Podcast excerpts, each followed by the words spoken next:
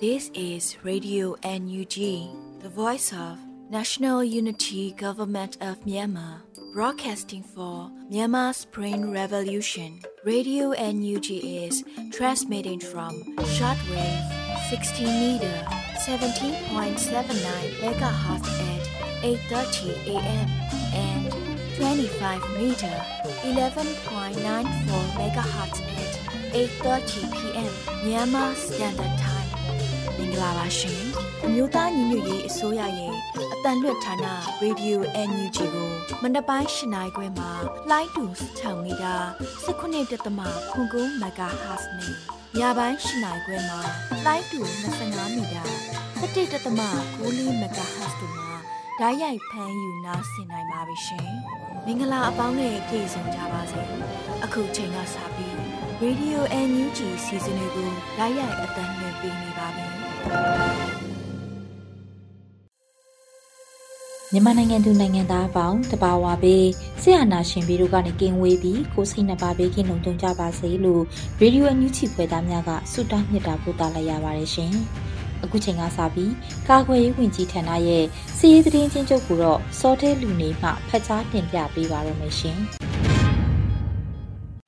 မင်္ဂလာပါအမျိုးသားညီညွတ်ရေးအစိုးရ ကာကွယ်ရေးဝန်ကြီးဌာနမှ24ရက်8လ2022ခုနှစ်အတွက်ထုတ်ဝေသောနိုင်စဉ်စီးရေးသတင်းအကျဉ်းချုပ်များကိုစတင်ဖတ်ကြားပေးပါမယ်။သတင်းများအရစစ်ကောင်စီတပ်သား10ဦးသေဆုံးပြီးစစ်ကောင်စီတပ်သား33ဦးဒဏ်ရာရရှိခဲ့ကြောင်းသတင်းရရှိပါရခင်ဗျာ။စစ်ကောင်စီနဲ့တိုက်ပွဲဖြစ်ပွားမှုများကိုဆက်လက်ဖတ်ကြားပေးပါမယ်။ကရင်နေကရားပြည်နယ်တွင် ဩဂုတ်လ23ရက်နေ့နေ့လယ်2နာရီခန့်ကဒီမော့ဆိုမြို့နယ်ဒေါငန်ခါရက်ကွက်နှင့်မူကြိုးချောင်းဝင်းကျင်နာတွင် DMO Local PDF ထောင်ထားသည့်18မိုင်3လုံးကိုစစ်ကြောင်းထိုးလာသည့်စစ်ကောင်စီတပ်မှနင်းမိ၍စက္ကစတပ်သား3ဦးထိခိုက်ဒဏ်ရာရရှိခဲ့ပါသည်။ အဆိုပါဖြစ်စဉ်ကို DMO Local PDF နှင့်အလဲပိုင်းတိုင်း1100နှစ်တို့ပူးပေါင်းကနေ့လယ်2:30တွင်တွားရောက်ကင်ထောက်ကြစဉ်စစ်ကောင်စီတပ်နှင့်မိနစ်30ကြာထိတွေ့တိုက်ပွဲဖြစ်ပွားခဲ့ပြီးစစ်ကောင်စီဘက်မှ2ဦးသေဆုံးက DMO Local PDF တပ်ရင်းကေမှရဲဘော်ဦးအေရီကိုအသက်40နှစ်ကြာဆုံးခဲ့ရပြီး AK47 အမျိုးအစားမောင်းပြန်ရိုင်ဖယ်တနက်တလက်ဆုံးရှုံးခဲ့ရကြောင်းတင်ပြရရှိပါရခင်ဗျာ။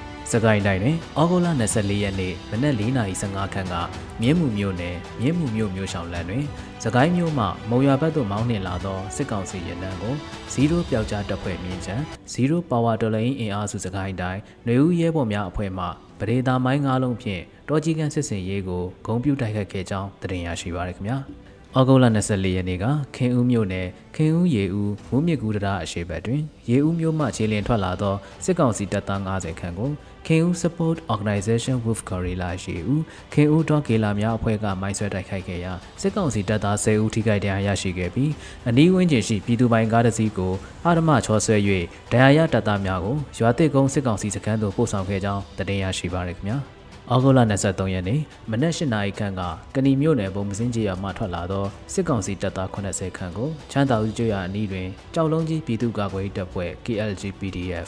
MPDF ခရိုင်တရင်1ဒီမိုတပ်ခွဲကဏီမြို့နယ်မဟာမိတ်များမှမိုင်းဆွဲတိုက်ခိုက်ခဲ့ပြီးထိတွေ့တိုက်ပွဲ2နာရီခန့်ဖြစ်ပွားခဲ့ရာစစ်ကောင်စီတပ်သား10ဦးသေဆုံးခဲ့ပြီးပြည်သူ့ကာကွယ်ရေးရဲဘော်4ဦးထိခိုက်ဒဏ်ရာရရှိခဲ့ကြောင်းတင်ပြရရှိပါရခင်ဗျာ။ဩဂုတ်လ23ရက်နေ့ကမုံရွာမြို့နယ်မုံရွာရာကြီးကလေးဝလန်းအင်းနိုင်တော်ရွာအနီးမိုင်းနိုင်29တွင်ရောက်ရှိနေသောစစ်ကောင်စီတပ်သားများကိုရွှေတရီကန်တပ်ရင်း GTF B21 DGF နဂါးညီနောင် CGYDF KLG အမိမြေတော်လန်ရေးအဖွဲ့ရောက်ရမတပ်ရင်းစားလင်းကြီးမဟာမိတ်တပ်ပေါင်းစုနှင့်ညီနောင်မဟာမိတ်များကပူးပေါင်းတိုက်ခိုက်ခဲ့ရာစစ်ကောင်စီတပ်သား20ဦးခန့်ထိခိုက်ဒဏ်ရာရရှိခဲ့ပြီးပြည်သူ့ကာကွယ်ရေးရဲဘော်2ဦးခန့်ထိခိုက်ဒဏ်ရာရရှိခဲ့ပါတယ်။စစ်ကောင်စီများကဒေသခံနေအိမ်9လုံးကိုမိရှို့ဖျက်ဆီးခဲ့ကြောင်းလည်းတင်ရရှိပါရခင်ဗျာ။စစ်ကောင်စီကျူးလွန်သောရာဇဝတ်မှုများအားဆက်လက်ဖတ်ကြားပေးပါမယ်။ ချင်းပြည်နယ်တွင်ဩဂုတ်လ24ရက်နေ့မနက်9:00နာရီခန့်ကပလောဝမြို့နယ်အပေါင်းသေးကျေးရွာတွင်နေထိုင်သောဒေါ်နန်းလောင်ခန့်သည်ပျောက်ဆုံးနေသောယောက်ျားဖြစ်သူကျောင်းအုပ်ဆရာကြီးကိုတွားချရာမှမိုင်းနှင်းမိပြီးတိတ်ဆုံးသွားခဲ့ကြောင်းတင်ရရှိပါရခင်ဗျာ။စကိုင်းတိုင်းတွင်ဩဂုတ်လ24ရက်နေ့ကရေဦးမြို့နယ်ချမ်းသာကျေးရွာသို့စစ်ကောင်စီတပ်သားများဝင်ရောက်ခဲ့ပြီးပေါ်တူဂီမျိုးဆက်များဖြစ်သည့်ဒေသခံများ၏နေငယ်ချို့တွင်လူမျိုးရေးခွဲခြားသည့်ချင်းချောက်စာများရေးသားထားခဲ့ကြောင်းတင်ရရှိပါရခင်ဗျာ။။ ဩဂုတ်လ23ရက်နေ့ညနေ7:40ခန်းကကောလင်းမြို့နယ်တက်စိန်ကုန်းကျေးရွာအနီးသို့တရားဦးလေစိတ်မှကျက်လျင်သုံးစီဖြင့်လာရောက်ပုံကျဲတိုက်ခိုက်ခဲ့ရာအသက်6နှစ်ခွဲကလေးငယ်တဦးကိုလလွယ်ကိုဝင်ဆောင်မိခင်တဦးကိုစင်မျိုးထွန်းကိုမိုးအောင်တို့၄ဦးသေဆုံးခဲ့ပြီးမျိုးသားတဦးထိခိုက်ဒဏ်ရာရရှိခဲ့ကြောင်းသတင်းရရှိပါရခင်ဗျာ မကွေးတိုင်းတွင်ဩဂုတ်လ23ရက်နေ့က6မြို့နယ်14မြို့တွင်ကိုကျော်စန်းဦးကိုကျန်စွမ်းဦး၏ဇနီးမခင်လဲလဲဆိုနှင့်ကိုဖိုးဆိုးတို့ဒေသခံတအုပ်ကိုစစ်ကောင်စီတပ်သားများကလျှက်တစ်ပြက်ဝင်ရောက်စီးနင်းဖမ်းဆီးခဲ့ကြောင်းသတင်းရရှိပါရခင်ဗျာရန်ကုန်တိုင်းတွင်ဩဂုတ်လ23ရက်နေ့နေ့လယ်2နာရီခန့်ကမယန်းကုန်းမြို့နယ်အမှတ်9ရပ်ကွက်ရှိပရဟိတလုပ်ငန်းများလုပ်ကိုင်နေသူဦးကျော်သူနေအိမ်အားစစ်ကောင်စီရဲ့ဖွဲ့ဝင်များကချိတ်ပိတ်သွားခဲ့ကြောင်းသတင်းရရှိပါရခင်ဗျာ ဩဂုတ်လ23ရက်နေ့ကတွန်တေးမြို့နယ်စည်းပြူကုန်းကျေးရွာရှိ NLD ပါတီဝင်ချို့နှင့်လူငယ်များအားစစ်ကောင်စီအဖွဲ့ဝင်များမှဖမ်းဆီးရိုက်နှက်မှုများပြုလုပ်နေပြီးဖမ်းဆီးခံရသူ15ဦးခန့်ရှိခဲ့ကြောင်းသတင်းရရှိပါရခင်ဗျာယခုသတင်းများကိုမြေပြင်သတင်းတာဝန်ခံများနှင့်သတင်းဌာနများမှဖော်ပြလာသောအချက်လက်အများပေါ်တွင်အခြေခံပြုစုထားခြင်းဖြစ်ပါတယ်ကျွန်တော်သတင်းကြေညာသူ Sordes လူနေပါ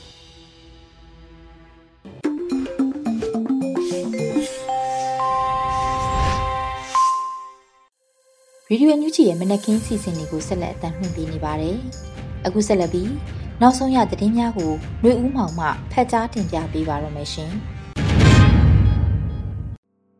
မင်္ဂလာပါခင်ဗျာ။ယခုချိန်ကစပြီး Radio NUG မနက်ခင်းသတင်းများကိုဖတ်ကြားတင်ပြပေးပါရမယ်။ယခုတင်ပြပေးမယ့်သတင်းတွေကတော့ Radio NUG သတင်းတာဝန်ခံတွေနဲ့ခိုင်လုံသောမိဖက်သတင်းရင်းမြစ်တွေမှအခြေခံထားတာဖြစ်ပါတယ်။ကျွန်တော်ကတော့ຫນွေဦးမောင်ပါခင်ဗျာ။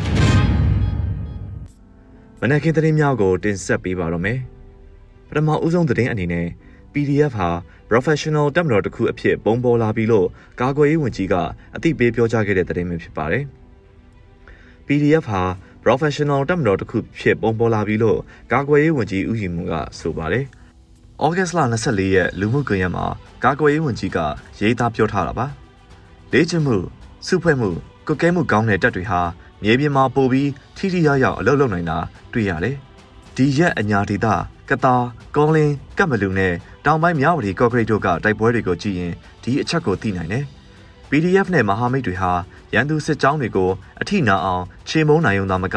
အရာရှိတွေပါဝင်တဲ့တုံ့ပန်းတွေလက်ရဖမ်းနိုင်တာဆက်လက်နက်ပစ္စည်းတွေသိမ်းပိုက်နိုင်တာကိုပါတွေ့လာရတယ်။စနစ်တကျလေ့ကျင့်စုဖွဲ့ ကွက်ကဲတက်ဆင်ထားတဲ့တပ်ရင်းတပ်ဖွဲ့တွေနဲ့ PDF ဟာ professional တပ်မတော်တစ်ခုအဖြစ်ဘုံပေါ်လာပြီးဖြစ်တယ်လို့ဆိုပါတယ်။လက်ရှိမှာဒိုင်းရင်သားတော်လိုင်းရင်အင်အားစုများနဲ့ PDF များပူးပေါင်းတိုက်ခတ်လို့စက်ကောင်စီတပ်များဟာအထိနာကြဆုံးရရှိပါတယ်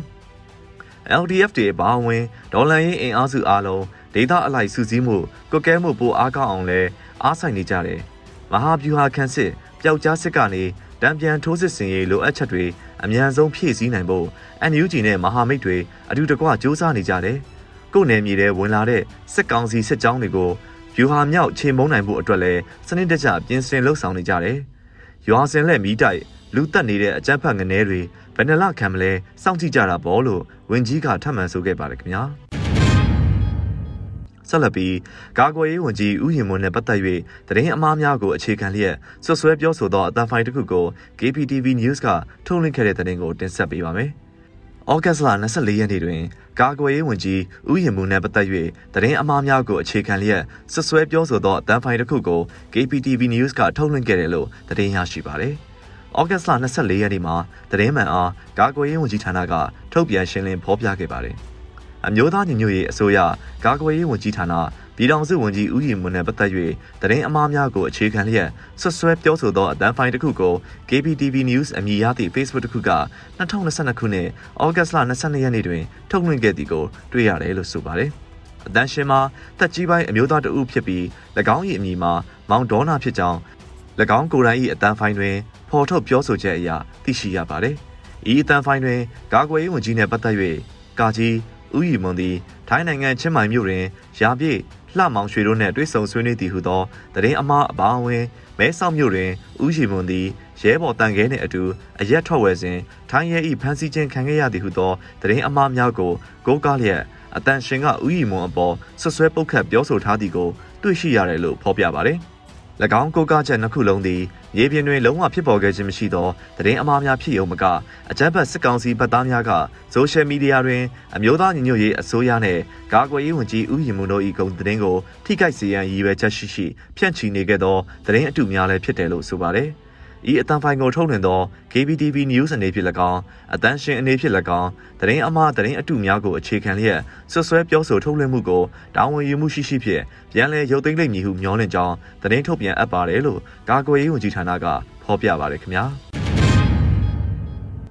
ဆက်လက်ပြီးဒေါ်အောင်ဆန်းစုကြည်တားငယ်ကိုထိန်လင်းရဲ့တစ်ထွင်းပကြီးလက်ရာစံရီ project project upstream စတင်ခဲ့တဲ့တဲ့တင်ကိုတင်ဆက်ပေးပါမယ်။ ဒေါ်အောင်ဆန်းစုကြည်တားငယ်ကိုထိန်လင်းရဲ့တစ်ထွင်းပကြီးလက်ရာစံရီ project project upstream စတင်နေတယ်လို့သတင်းရရှိပါတယ်။ဩဂတ်စ်လ24ရက်နေ့မှာဒေါ်လန်ရေးရန်ပုံငွေရှာဖွေပေးတဲ့မက်ပန်ဆယ်လိုကလူမှုကွန်ရက်မှာဆိုထားပါတယ်။အမေသားကိုထိန်လင်းရဲ့စံရီ project project upstream လေးစပါပြီ။ project နာမည်ကိုစံရီလို့ပေးဖြစ်တာကအတိတ်ပဲနှမျိုးနဲ့ပါ။တမျိုးကတော့အမေစုနဲ့ကိုထိန်လင်းကြားကအခြေအနေဖြစ်ပျက်လေးကိုမူတည်ပြီးစဉ်းစားထားတာပါလို့ဆိုပါတယ်။ဇန်ရီ project ဟာ အမေသားကိုထိန်လင်းရဲ့သူတက်မြောက်ကျွမ်းကျင်တဲ့လက်သမားပညာနဲ့ဘုံဖော်ဖန်တီးထားတဲ့တစ်ထွင်းပကြီးလက်ရာလေးကိုမဲလက်မှတ်လေးတွေရောင်းချပေးသွားမှာဖြစ်ပါတယ်။မဲလက်မှတ်တစ်စောင်ကို US ဒေါ်လာ100နဲ့ရောင်းချသွားမှာဖြစ်ပြီးရရှိငွေတွေအားလုံးကိုမြန်မာပြည်ရဲ့အရေးကြီးအခြေအနေအတွက်ပြန်လည်လူရန်သွားမှာဖြစ်ပါတယ်ခင်ဗျာ။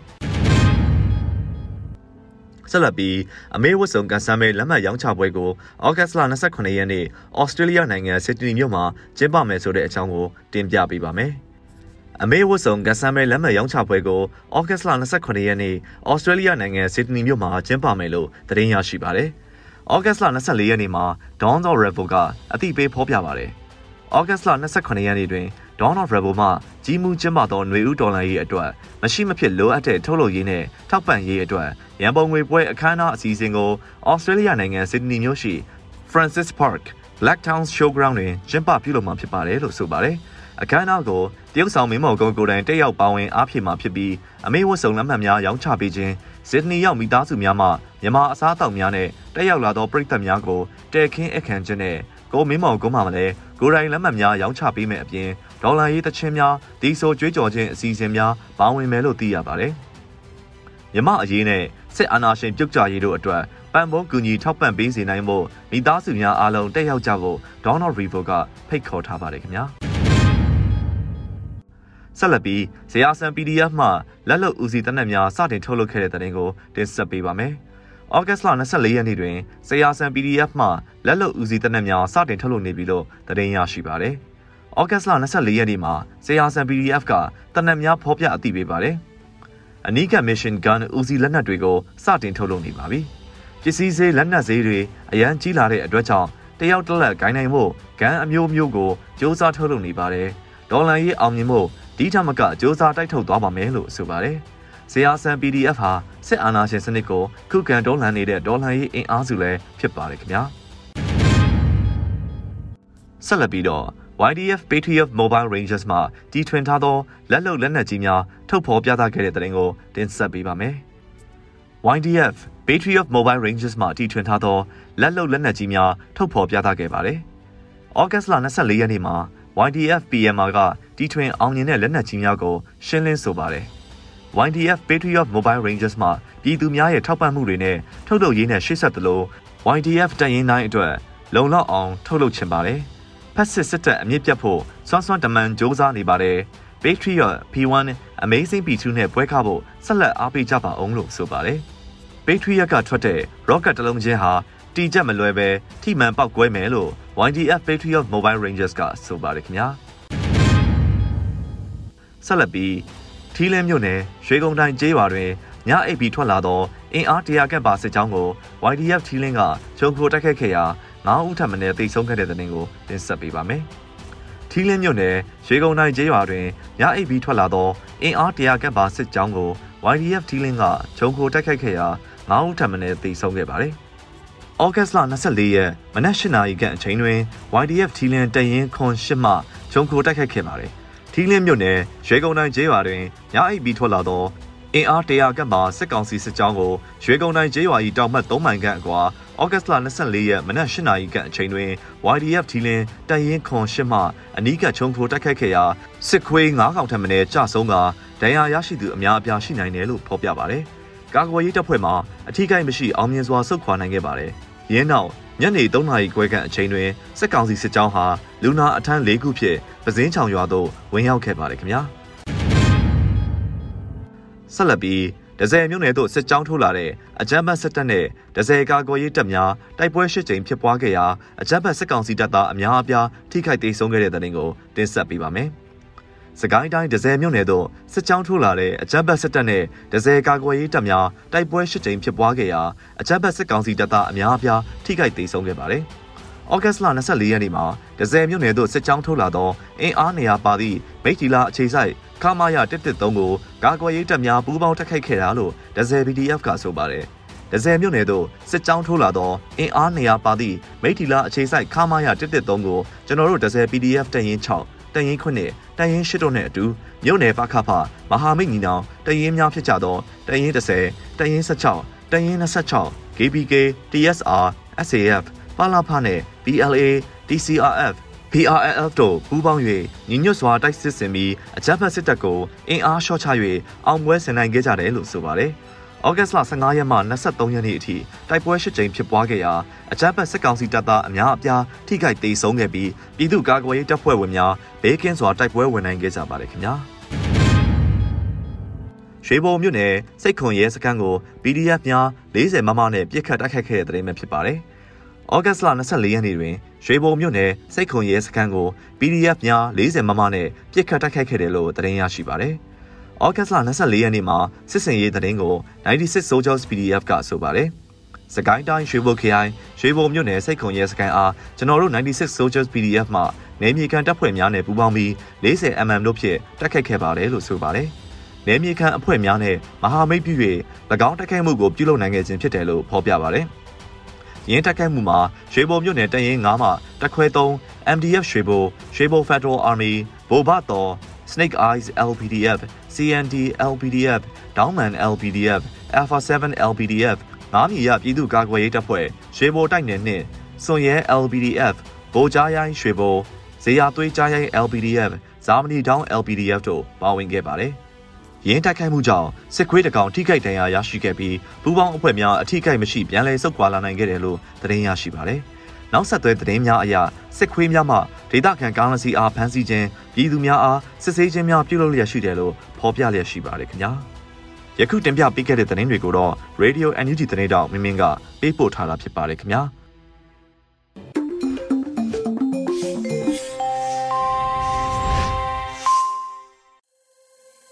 ဗီဒီယိုညချီပရိသတ်တွေအတွက်အခုဆက်လက်ပြီးထုတ်လွှင့်ပေးမှာကတော့မြမနွေဦးခရိုနီကယ်ဩဂုတ်လ23မြင်ကွင်းဖြစ်တဲ့အထွေထွေအကြက်တဲတွေအစိုးဆုံးကိုမရောက်သေးမြို့ပေါ်ကဒလန်ရှင်းလင်းရေးတွေရဲ့ပုံရိပ်လိုအမည်ရတဲ့မုံမခဆောင်းပါးကိုနွေဦးမုံမှဖတ်ကြားတင်ပြပေးပါတော့မယ်ရှင်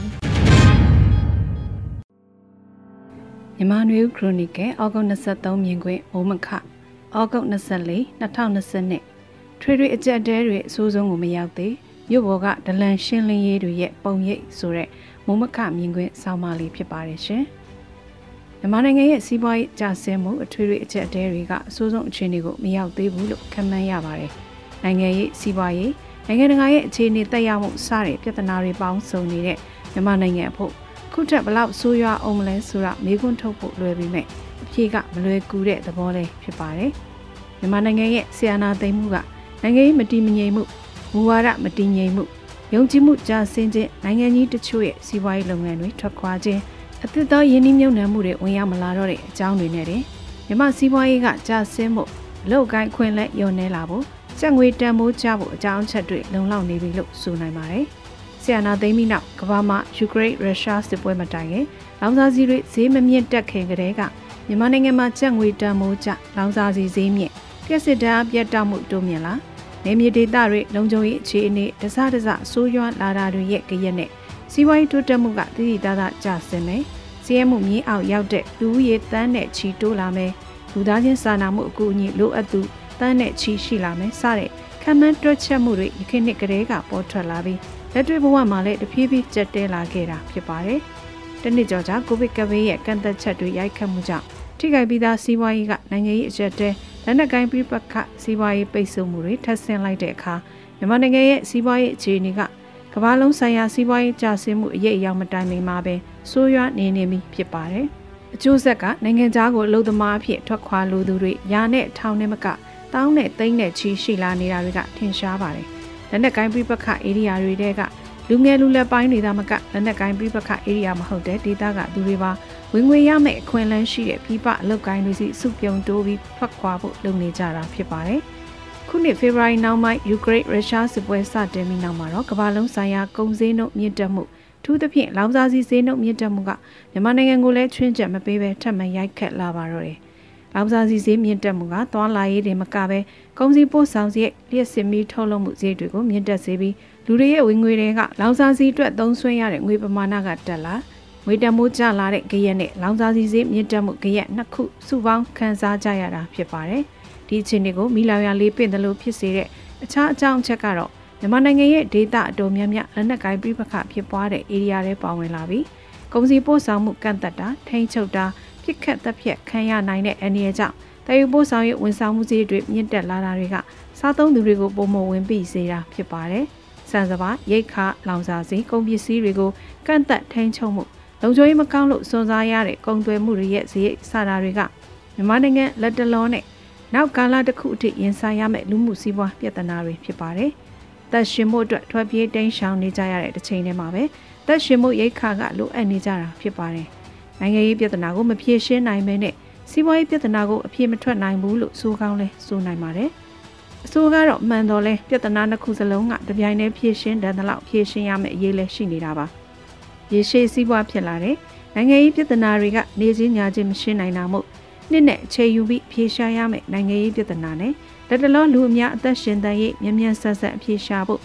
တုံ့ပြန်ဆောင်ရွက်ရမယ်လက်တလောပြဿနာတွေလည်းရှိတာကိုနားလည်ဖို့လည်းလိုအပ်ပါတယ်ဒီနေရာမှာရေတိုပြဿနာဦးစားပေးပြဿနာနဲ့ရေရှည်ပြဿနာချိန်ယူဖြေရှားရမယ့်ပြဿနာတွေကိုခွဲခြားဖြေရှင်းဖို့အရေးကြီးပါတယ်မူဝါဒတွေစံနှုန်းတွေ ခြေခံအယူဆတွေနာဂတ်ပုံဖော်မဲ့အခြေခံမှုတွေနဲ့သက်ဆိုင်တာတွေကရေရှည်ပြဿနာဖြစ်ပြီးလူအများရဲ့အသက်ရှင်ရက်တည်ရဲ့သက်ရှင်သက်နေထိုင်နိုင်ဖို့လူမှုစီးပွားအခြေအနေကိုရရှိရေးကလက်ငင်းလုံးဆောင်ရမယ့်ရေတိုပြဿနာအဖြစ်နဲ့သတ်မှတ်နိုင်ကြဖို့အရေးကြီးပါတယ်။ဒီလိုအနေထားမှာမိတ်ဆွေမဟာမိတ်ခေါင်းဆောင်တဲ့လူတို့ဒီမိုကရေစီလိုလားသူဗတ်တူသူအချင်းချင်းကြားမှာအေဒူပူမြစိတ်ထားမျိုးမျှတတဲ့ခွဲဝေမှုတူဘော်တူကိုချင်းစာမျှဝေခံစားမှုစတဲ့သဘောထားနဲ့ လက်တွေ့ကျင့်သုံးမှုတွေကမရှိမဖြစ်လိုအပ်တယ်လို့မြင်ပါတယ်။ဒီနေ့ဖို့အခြားသတင်းတွေထဲမှာတော့ခုရပိုင်းဇက်တိုက်ဆိုသလိုဖြစ်ပွားတဲ့ဒလန်ရှင်းလေးကောင်းစဉ်အောက်ကမှားယွင်းတက်ဖြတ်မှုတွေဖြစ်ပါတယ်။တနေ့ကမကွေးတိုင်းစောမြို့မှာဖြစ်ပျက်ခဲ့တဲ့မိသားစုတစုနဲ့အိမ်နီးချင်းတွေစုစုပေါင်း6ဦးသေဆုံးရတဲ့အဖြစ်အပျက်ပြီးမှာပဲဒီနေ့မနက်ခင်းမန္တလေးမြို့မှာဖြစ်ပွားတဲ့စိုင်ကယ်နဲ့တွာလာသူလင်မယားနှစ်ဦးကိုပြစ်တက်လိုက်တဲ့အဖြစ်အပျက်မှာလဲ CID ရဲမှုလို့ယူဆပြီးမြို့ပြ PDF တွေလောက်ကျန်တက်ဖြတ်လိုက်တဲ့အဖြစ်မှာ သေဆုံးသွားရတဲ့လင်မယားနှစ်ဦးဟာတာမတ်ရက်သားတွေ CID နဲ့ရဲနဲ့မပတ်သက်သူလင်မယားနှစ်ဦးဖြစ်နေတဲ့အဖြစ်အပျက်ဖြစ်ပါတယ်ဒီနေ့မှာပဲဖျားပုံမြို့ပေါ်မှာလည်းရက်ွက်အုပ်ချုပ်ရေးမှုရုံးကစီးရေးမနဲ့အတူဖော်ပါသူမျိုးသမီးတူတို့ကိုပြစ်ခတ်တပ်ဖြတ်ခဲ့တဲ့နောက်ဖော်ပါသူမျိုးသမီးကစစ်ကောင်စီထောက်ခံသူမဟုတ်ပဲဆီယနာသိမ်းမှုစန့်ကျင်ရေးဆန္ဒပြမှုတွေမှာတက်ကြွစွာပါဝင်ခဲ့သူတဦးဖြစ်နေတယ်လို့ဆိုရှယ်မီဒီယာမှာယင်းနေသူသိရှိသူတွေကမှတ်ချက်ရေးသားပြောဆိုနေကြတာတွေ့ရပါတယ်။ နေ့စဉ်လိုလိုမြို့တွေမှာဒလန်ရှင်းလေးရေးစစ်ကောင်စီတောက်တိုင်းရှင်းလေးရေးဆိုတဲ့ခေါင်းစဉ်နဲ့လုံခြံတက်ဖြတ်မှုတွေဖြစ်ပွားနေတာဖြစ်ပြီးစစ်ကောင်စီဘက်ကတော့အဲ့ဒီလိုဖြစ်စဉ်တွေက PDF တွေရဲ့ပုံရိပ်ကိုဖျက်ဖို့အတွက်အခွင့်အလမ်းတစ်ခုဖြစ်တယ်လို့သဘောထားယူဆကောင်းယူဆလာနိုင်ပါတယ်။ဒီလိုဒလန်ရှင်းလေးရဲ့စစ်ကောင်စီတောက်တိုင်တွေကိုတက်ဖြတ်ရှင်းလင်းမှုတွေလုပ်ပြီးစစ်ကောင်စီအုပ်ချုပ်ရေးမထူထောင်နိုင်ဘူးလို့ PDF တွေဘက်ကရည်ရွယ်လုံးဆောင်တာလည်းဖြစ်ပါတယ်။အဲ့ဒီရည်ရွယ်ချက်ကလက်တွေ့ကြသလား။ မြို့ရရွာတွေကိုထိန်းချုပ်နိုင်ဖို့ကစီးရေးရနယ်မြေကိုထိန်းချုပ်နိုင်တဲ့အချက်ကပိုအဓိကကြတယ်ဆိုတဲ့အယူဆနဲ့စန့်ကျင်မနေဘူးလားဆိုတာပြန်သုံးသပ်သင့်ပြီလို့ထင်ပါတယ်။နှုတ်မဟုတ်ခဲ့ရင်လက်နက်ကင်ဖွဲ့ဝင်တွေမဟုတ်တဲ့စစ်ကောင်စီထောက်ခံသူတွေကိုတပ်ဖြတ်မှုချို့သောမိမိတို့ဒီမိုကရေစီဘက်တော်သားတွေကိုမှားယွင်းတက်ဖြတ်မှုတွေနဲ့တော်လှန်ရေးဆိုတဲ့ပုံရိပ်ကိုကြာဆင်းစေမှာဖြစ်ပြီးနိုင်ငံတကာအစိုးရတွေအဖွဲ့အစည်းတွေကြားမှာလည်း NUG ရဲ့ပုံရိပ်ဆီယနာရှင်ဆန့်ကျင်ရဲ့လှုပ်ရှားမှုရဲ့ပုံရိပ်ကို ကြာဆင်းစေမှာဖြစ်ပါတယ်ရှင်။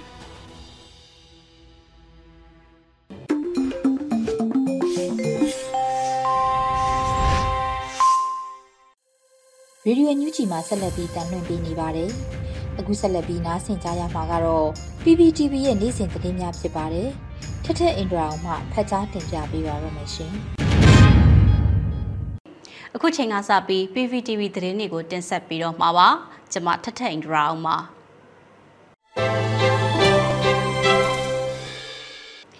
ပပထမဆုံးတင်ဆက်ပေးမှာကတော့အကြမ်းဖက်စစ်တပ်လက်ထက်မှာကြောက်မြရနာလုပ်ငန်းရှင်များအသင်းရဲ့အလုံးမှုဆောင်တဲ့ဗဟိုအလုံးမှုဆောင်အဖွဲ့ပြန်လည်ရွေးချယ်မှာကိုအမျိုးသားညီညွတ်ရေးအစိုးရကအတိအမှန်မပြုဘူးလို့ထုတ်ပြန်လိုက်တဲ့သတင်းမှာ အကြမ်းဖက်စစ်ကောင်စီနဲ့ပူးပေါင်းဆောင်ရွက်နေတဲ့မြန်မာနိုင်ငံကြောက်မြရနာလုပ်ငန်းရှင်များအသင်းရဲ့စက်ထမတက်တန်းအတွက်အလုံးမှုဆောင်တဲ့ဗဟိုအလုံးမှုဆောင်အဖွဲ့တွေကိုပြန်လည်ရွေးချယ်တင်မြှောက်တာကိုအတိအမှန်မပြုဘူးဆိုပြီးတော့အမျိုးသားညီညွတ်ရေးအစိုးရတယန်းစာတနဲ့တဘာပတ်ဝန်းကျင်ထိန်းသိမ်းရေးဝန်ကြီးဌာနကဩဂတ်စ်လ23ရက်မှာထုတ်ပြန်လိုက်ပါတယ်။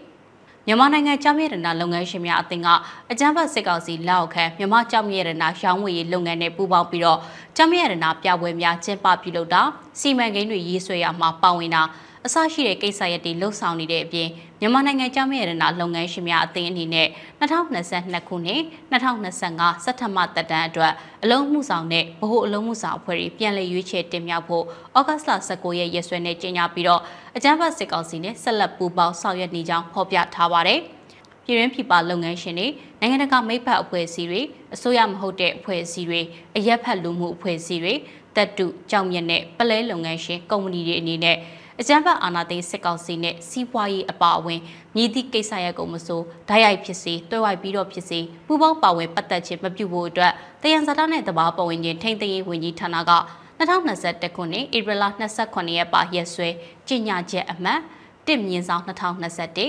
2021ခုနှစ်ဇွန်လ29ရက်ပါကြေညာချက်အမှတ်2မြင်းဆောင်2021နဲ့ထုတ်ပြန်ကြေညာထားပြီးဖြစ်တယ်လို့လည်းဖော်ပြထားပါတယ်။ ဆက်လက်တင်ဆက်ပေးမှာကတော့ရတိတောင်တိုက်ပွဲကြောင့်စစ်ဘေးရှောင်ပြည်သူတွေအတွက်အရေးပေါ်ကူညီထောက်ပံ့မှုတွေလိုအပ်နေတယ်လို့ရခိုင်တပ်တော်ကအသိပေးထုတ်ပြန်လိုက်တဲ့သတင်းမှာရခိုင်ပြည်နယ်ရသေတောင်မြို့နယ်အတွင်းမှာဖြစ်ပွားနေတဲ့တိုက်ပွဲကြောင့်စစ်ဘေးရှောင်ပြည်သူအရေးအတွက်1600ကျော်ထိရှိနေပြီးတော့သူတို့အတွက်အရေးပေါ်ကူညီထောက်ပံ့မှုတွေလိုအပ်နေတယ်လို့ရခိုင်တပ်တော် AA ကဩဂတ်စ်လ23ရက်ရက်စွဲနဲ့အသိပေးထုတ်ပြန်လိုက်ပါတယ်။ အငူမော်မောင်တော်လန်ဒုံပိုက်ရွာအနီးမှာဩဂတ်စ်လ23ရက်ကဖြစ်ပွားခဲ့တဲ့တိုက်ပွဲပြီးမှမယူတောင်တန်းဘက်ကရွာတချို့ကပြည်သူတွေစစ်ဘေးရှောင်နေကြပြီးတော့စစ်ဘေးရှောင်အရေးအတွက်ကအိမ်တောင်စု458စုလူဦးရေကြား944ဦးနဲ့မ888စုစုပေါင်း1622အထိရှိထားတယ်လို့ AA ကထုတ်ပြန်ထားပါတယ်။ အကြမ်းဖက်စစ်တပ်ကတော့အကြဆုံးများပြီးအထိနာနေတဲ့အတွက်ရေချမ်းပြေအငူမော်မောင်တော်လန်နဲ့မောင်တော်ကျိန်ချောင်းမြောက်ဘက်ပိုင်းလမ်းတွေကိုပိတ်ဆို့ထားပြီးတော့ခီးသွွာလာခွင့်နဲ့ကုန်စည်စည်းစိမ်မှုတွေပါပိတ်ဆို့ထားပါတယ်။အဲ့ဒီလိုလမ်းတွေကိုပိတ်ဆို့ထားတဲ့အတွက်လူသားချင်းစာနာမှုဆိုင်ရာစာနာထောက်ထားမှုအကူအညီတွေပေးပို့ဖို့အတွက်အခက်အခဲတွေလည်းရင်ဆိုင်နေရတယ်လို့ AA ကပြောဆိုထားပါတယ်။စစ်ဘေးရှောင်နေတဲ့နိုင်ငံတကာနဲ့အစိုးရမဟုတ်တဲ့ပြည်တွင်းပြည်ပအဖွဲ့အစည်းတွေလူမှုအဖွဲ့တွေ ပြည်သူတွေအနေနဲ့အရေးပေါ်လိုအပ်တဲ့ပစ္စည်းတွေကိုဝိုင်းဝန်းကူညီကြဖို့အတွက်လည်းအေအေကမြစ်တာရက်ခံထားပါတယ်။ထောက်ပံ့ကူညီခြင်းသူတွေအနေနဲ့လည်းအကြမ်းဖက်စစ်ကောင်စီဘက်ကပိတ်ပင်တားဆီးမှုတွေရှိနေတဲ့ဆိုရင်ရခိုင်ပြည်သူအစိုးရစီကိုဆက်သွယ်ပြီးတော့ကူညီပံ့ပိုးနိုင်တယ်လို့ဖော်ပြပေးထားပါတယ်။ ခုတကတင်ဆက်ပေးမှာကတော့ကောလင်းမြို့နယ်မှာအကြမ်းဖက်စစ်တပ်ကလေကြောင်းကနေတိုက်ခိုက်မှုတွေပြုလုပ်ခဲ့လို့ကိုဝေဆောင်အမျိုးသမီးနဲ့အသက်6နှစ်အရွယ်ကလေးငယ်အပါအဝင်ပြည်သူ၄ဦးတေဆုံးခဲ့ရတယ်ဆိုတဲ့သတင်းကိုတင်ဆက်ပေးပါမယ်။စကိုင်းတိုင်းကောလင်းမြို့အနောက်ချမ်းချောင်းနာတိုင်နယ်တစ်စိန်ကုန်းရွာကိုအကြမ်းဖက်စစ်တပ်ကမနေ့ကည7:42မိနစ်လောက်မှာလေကြောင်းကနေပုံကျဲတိုက်ခိုက်မှုတွေပြုလုပ်ခဲ့လို့ကိုဝေဆောင်အမျိုးသမီးနဲ့အသက်6နှစ်အရွယ်ကလေးငယ်အပါအဝင်ပြည်သူ၄ဦးတေဆုံးခဲ့ရတယ်လို့ Calling Revolution KR ကထုတ်ပြန်လိုက်ပါတယ်။တည်ဆုံးခဲ့ရသူတွေကတစ်စိန်ကုန်းရွာကကိုဝင်ဆောင်တဦးဖြစ်သူမတ်ဖြူစာဝင်အသက်6နှစ်အရွယ်ကလေးငယ်မောင်ပြေဆုံးကိုမိုးအောင်နဲ့ကိုစင်မျိုးထွန်းတို့ဖြစ်ကြပါတယ်။စကိုင်းတိုင်းအတွင်းကကော်လင်ကံဘလူကျွန်းလာနေဆက်နေရာတွေကိုအကြမ်းဖက်စစ်တပ်ကမနေ့ကညကနေလေကြောင်းကနေတိုက်ခိုက်မှုပြုလုပ်နေတာပါ။ စကိုင်းတိုင်းအတွင်းမှာပြည်သူ့ကာကွယ်ရေးတပ်တွေနဲ့မဟာမိတ်တွေရဲ့ခုခံတော်လှန်စစ်ကြောင့်အထိနာနေတဲ့အကြမ်းဖက်စစ်တပ်ဟာပြည်သူတွေနေတဲ့ကြေးရွာတွေကိုမိရှို့ဖျက်ဆီးတာလေကြောင်းကနေတိုက်ခိုက်တာတွေဇက်တိုက်ဆိုသလိုလှုပ်ဆောင်နေတာလည်းဖြစ်ပါတယ်။ကျေးဇူးတင်ပါတယ်ရှင်။ဒီကနေ့ကတော့ဒီညနေပဲ Radio NUG ရဲ့အစီအစဉ်လေးကို ခေတ္တရ延လိုက်ပါမယ်ရှင်။မြန်မာစံတော်ချိန်မနေ့၈နိုင်ခွဲနဲ့ည၈နိုင်ခွဲအချိန်တွေမှာပြောင်းလဲဆိုပြကြပါလို့ရှင်။ Radio NUG ကိုမနေ့ပိုင်း၈နိုင်ခွဲမှာလိုင်းတူ16မီတာ19.7 MHz နဲ့ညပိုင်း၈နိုင်ခွဲမှာလိုင်းတူ25မီတာ17.6 MHz တို့မှာဓာတ်ရိုက်ဖမ်းယူနားဆင်နိုင်ပါပြီရှင်။ မြန်မာနိုင်ငံသူနိုင်ငံသားများကိုစိတ်နှဖျားစမ်းမချမ်းသာလို့ဘေးကင်းလုံခြုံကြပါစေလို့ Radio NUG ရဲ့ဖွဲ့သူဖွဲ့သားများကဆုတောင်းလိုက်ရပါတယ် San Francisco Bay Area အခြေဆိုင်မြန်မာမိသားစုများနိုင်ငံတကာကစေတနာရှင်များလို့အားပေးကြရဲ့ Radio NUG ဖြစ်ပါတယ်ရှင်အရေးတော်ပုံအောင်ရမည်